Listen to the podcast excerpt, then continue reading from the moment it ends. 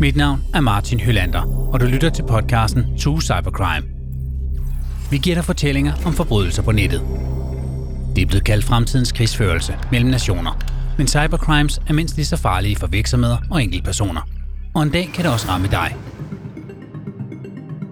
Derfor vil du i hver podcast også få gode råd fra IT-sikkerhedseksperter om, hvad du eller din organisation skal være på vagt overfor, og hvad du kan gøre, hvis du kommer under angreb.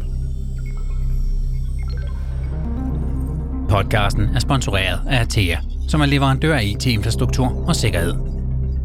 Afsnittet her er en del af anden sæson af True Cybercrime.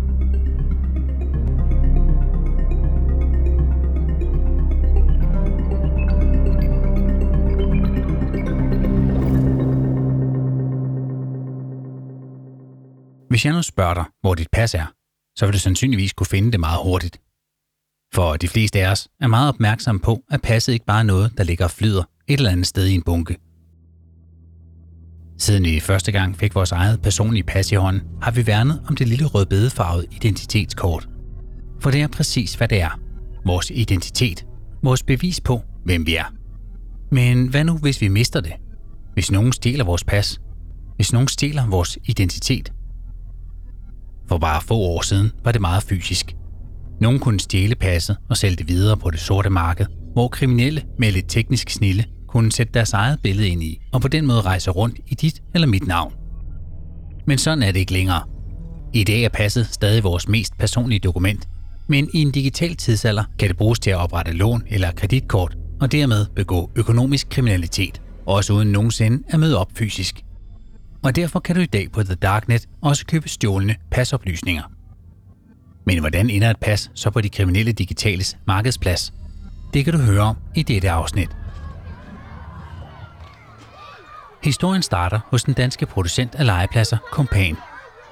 En stor virksomhed fra Odense, som sælger legepladser til store dele af verden. Men den 19. juni sidste år stopper lejen. Kompan bliver angrebet af cyberkriminelle i et såkaldt ransomware-angreb. Ifølge sikkerhedsekspert fra Atea er ransomware-angreb en af de mest benyttede metoder, som hurtigt kan lukke en virksomheds IT-systemer. På grund af sikkerhedsbestemmelser optræder han anonymt. Ransomware er en type angreb, hvor data bliver kompromitteret, og hvor så øh, offrene skal betale for at få adgang til øh, data igen. Ofte så, så starter den type angreb øh, gennem social engineering, gerne igennem en øh, phishing-mail, hvor de lokker brugerne til at udføre en øh, handling, som egentlig gør, at angrebet kan startes. Så de downloader noget til virksomhedens PC'er, som gør, at angrebet kan sættes i gang. Angrebet står på i over to timer, hvor det lykkes de kriminelle at kopiere og herefter kryptere ca. 500 GB af Compans. Og så forlanger de en løsesum for at åbne de krypterede filer igen – Kompan betaler aldrig en krone, for de har backup på deres server og kan hurtigt genskabe de 500 GB data. Det fortæller selskabets økonomidirektør Peter Elkær Larsen til Dagbladet BT. Det er en utrolig ubehagelig situation at stå i, for man ved, at det er en udfrakommende og usynlig fjende. Vi har fået en grim oplevelse, men på den anden side er jeg glad for, at vi sikrede os, at hackerne ikke kom længere ind, og at vi kunne reetablere os selv så relativt let, uden at betale – sådan lyder det for Compans daværende økonomidirektør. Og så kunne den sag være lukket. Problemet for Compan og ikke mindst deres medarbejdere er, at sagen først nu for alvor begynder at blive ubehagelig. Godt nok er det lykkes at genskabe alt den stjålne data, men de kriminelle har stadig en kopi af de mange filer. Og kan de ikke få en løsesum, så vil de forsøge at tjene penge på en anden måde. Det er godt, at virksomheden har haft mulighed for at genskabe data igennem en, en backup, men det er bare ikke godt nok. I det her tilfælde, der blev data stjålet, og når først angriberne har haft øh, mulighed for at stjæle data, jamen, så forsvinder den her data jo ikke ud af hænderne på dem igen, bare fordi en virksomhed kan genskabe dem. Og det er præcis, hvad der sker for Compan. Første advarsel får de i slutningen af juli, en måneds tid efter angrebet. Det danske IT-medie version 2 leder efter oplysninger på Dark Web – her opdager de, at store mængder af den stjålne kompandata er lagt ud og kan hentes af kriminelle. Og det er dybt personlige oplysninger om mere end 100 medarbejdere. Blandt den stjålne kompandata ligger nemlig mapper med kopier af medarbejdernes pas, lønaftaler, CPR-nummer, adresser og meget, meget mere. Version 2 vælger at kontakte Kompan for at få en kommentar til afsløringerne. Men de ønsker ikke at stille op til interview. Først da IT-mediet begynder at kontakte nogle af de kompanmedarbejdere, hvis mest personlige oplysninger ligger frit tilgængelige på dark web, begynder der at ske noget. For medarbejderne bliver bange. Som en af dem fortæller til version 2. Jeg er temmelig skræmt, og jeg synes, det er ret uhyggeligt. Der er også en hel del at være bange for, når ens mest personlige oplysninger lægges. På det tidspunkt kan version 2 afsløre, at kompanoplysningerne er set af ikke mindre end 68.000 personer, som kan have downloadet pasoplysningerne og alle de andre data om de mere end 100 medarbejdere.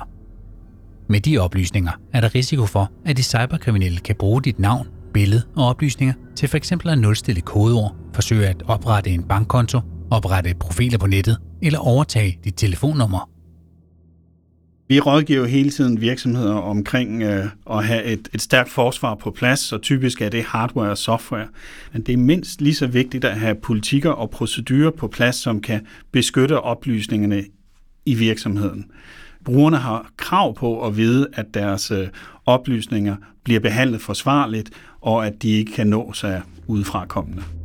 Og så er Kompan nødt til at komme med en udtalelse til version 2 det her er ikke noget, man umiddelbart har lyst til at gå ud i medierne med, men noget, vi har lyst til at lægge bag os.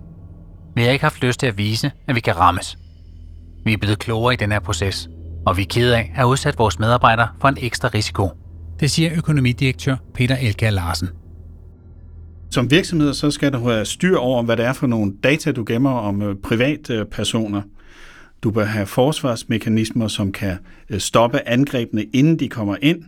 Men hvis de kommer ind, så bør du også have mekanismer på plads, så de ikke får fat i følsomme informationer.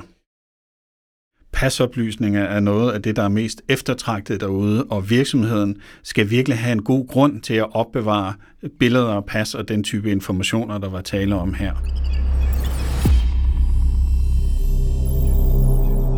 Du har lyttet til podcasten To Cybercrime. Podcasten er sponsoreret af Thea og produceret af Heartbeats. Marta Winter laver lyddesign, og mit navn er Martin Hylander. Og det er Thomas Stockholm, der står bag idé, research og manuskript. Gå ind på atea.dk-cybercrime og få god råd til at beskytte dig mod IT-kriminalitet. Og husk også at gå ind og lytte på flere afsnit af 2 Cybercrime. Du finder os på Spotify, iTunes og Heartbeats, eller der, hvor du ellers lytter til din podcast.